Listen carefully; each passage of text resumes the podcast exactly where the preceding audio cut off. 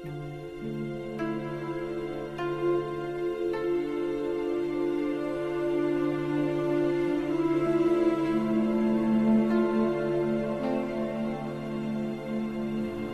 hari, Nabi Muhammad Wasallam duduk dikelilingi sejumlah sahabat dan kaum muslimin lainnya. Selagi berbincang, tiba-tiba Rasulullah terdiam, kemudian memandang kepada semua yang ada di sekelilingnya dan berucap, Sesungguhnya di antara kalian ada seorang laki-laki. Gerahamnya di dalam neraka lebih besar dari gunung Uhud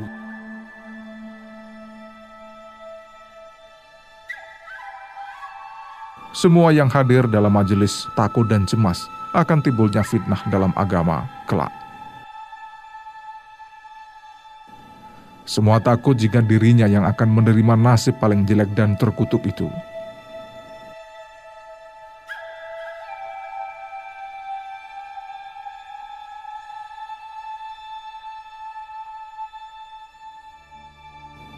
Tetapi mereka yang hadir dan mendengar pembicaraan waktu itu ternyata hidupnya berakhir dengan kebaikan, yakni gugur sebagai suhada. Yang masih hidup hanya Abu Hurairah dan Rajal bin Unfuah.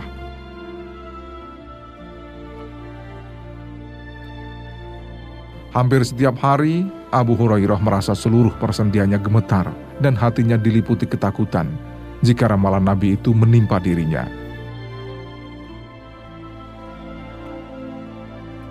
Namun takdir akhirnya menyingkap tabir orang yang bernasib celaka itu. Orang yang bernama Rajal murtad dari Islam dan ia bergabung dengan Musailamah Al-Kadzab dan mengakui kenabian palsunya.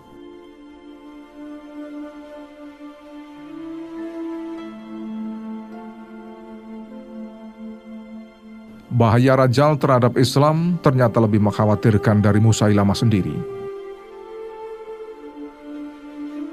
karena ia lihai menyalahgunakan keislamannya di masa lalu bersama Rasul di Madinah untuk menyebar fitnah, memutar balik agama Islam, memperkuat kekuasaan Musailamah, dan mengukuhkan kenabian palsunya.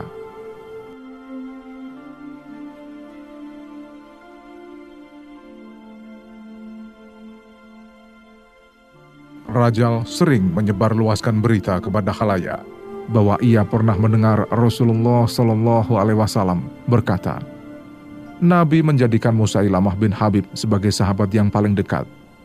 Dan karena Rasul telah wafat, maka orang yang paling berhak membawa bendera kenabian dan wahyu sesudahnya ialah Musailamah.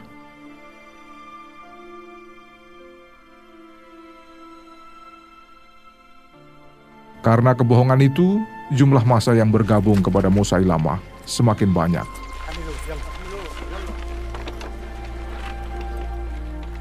Berita kebohongan Rajal akhirnya sampai ke Madinah. Kemarahan orang-orang Islam berkobar karena tindakan itu. Tindakan Rajal dinilai sangat menyesatkan. Salah satu sahabat yang paling murka dan terbakar kemarahannya adalah Zaid Ibnul Khattab kakak kandung Umar bin Khattab itu lalu menyiapkan dirinya untuk menyempurnakan keimanannya dengan menumpas bahaya fitnah tersebut. Bukan hanya pada pribadi Musailamah, tapi pada sosok yang lebih berbahaya, yaitu Rajal bin Unfuah. Saat pertempuran Yamamah, Khalid bin Walid menghimpun bala tentara Islam, lalu dibaginya tugas untuk menempati beberapa posisi Sesaat kemudian diserahkannya panji-panji Islam kepada Zaid bin Khattab.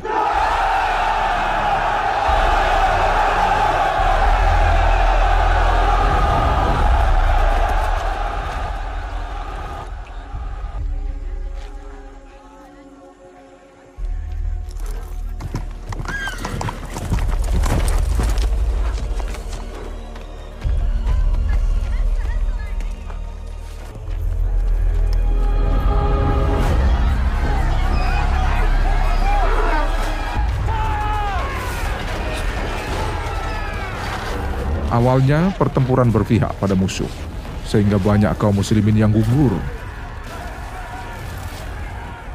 Zaid melihat dengan jelas gejala turunnya mental dan gairah tempur yang merasuki hati sebagian kaum muslimin. Ia lalu mendaki sebuah tempat yang tinggi dan berseru. Wahai saudara-saudaraku, tabahkanlah hati kalian. Gempur musuh, serang mereka habis-habisan. Demi Allah, aku tidak akan bicara lagi sebelum mereka dibinasakan Allah. Atau aku menemui Allah subhanahu wa ta'ala dan menyampaikan alasan-alasanku kepada hadiratnya. Kemudian ia turun dari tempatnya dengan menggerakkan gerahamnya sambil mengatupkan kedua bibirnya.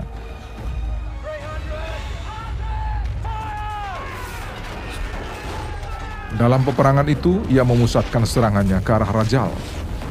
Diterobosnya barisan-barisan kaum kafir seperti panah lepas dari busurnya.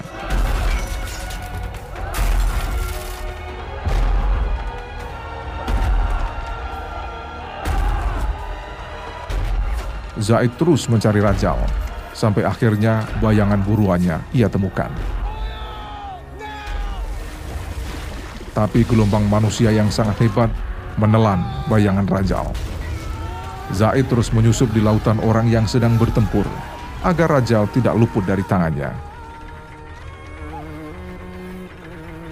Akhirnya, ia dapat memegang leher Rajal dan menebaskan pedangnya ke kepala musuh Islam itu.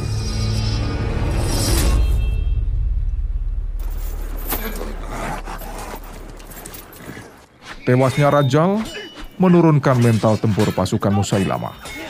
Salah satu tangan kanannya, Muhkam bin Tufail, juga mulai ketakutan. Zaid ibnul Khattab telah menyebabkan kehancuran mutlak dalam barisan Musailamah, sehingga semangat tempur kaum muslimin semakin membesar, bahkan berkobar.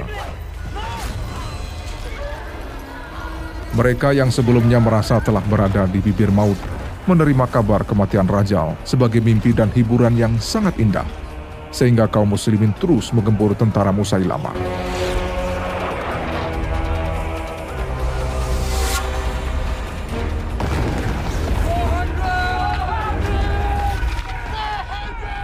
Di tengah peperangan, Zaid ibnul Khattab mengangkat kedua tangannya ke langit, bersyukur atas bantuan dan nikmat Allah Subhanahu wa taala saat itu Zaid telah yakin bahwa kemenangan sudah berada di ambang pintu.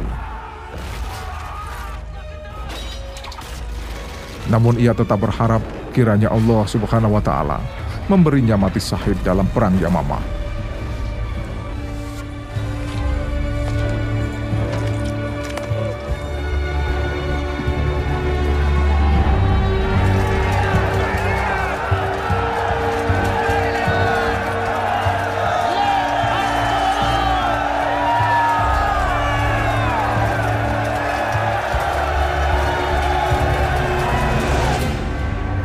Angin surga pun akhirnya berhembus memenuhi jiwanya.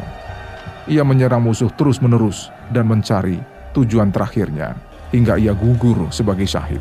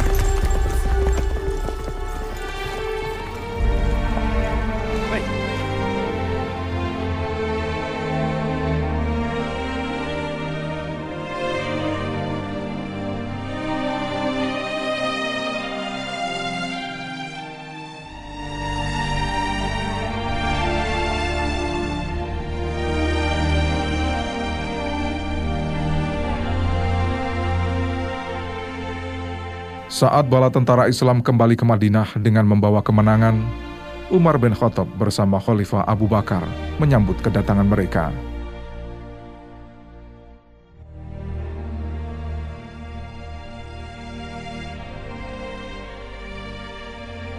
Umar melayangkan pandangannya dengan penuh kerinduan, mencari kakaknya yang sangat diinginkan untuk kembali dari peperangan Yamamah.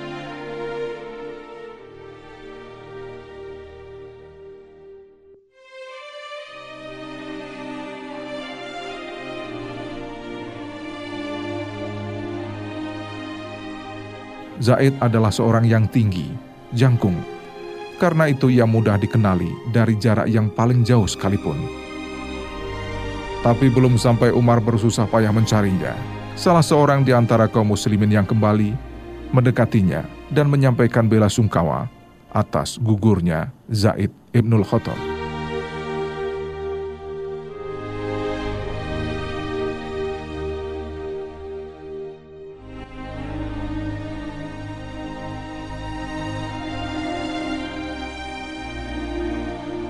Lalu Umar bin Khattab berkata sambil berlinang air mata.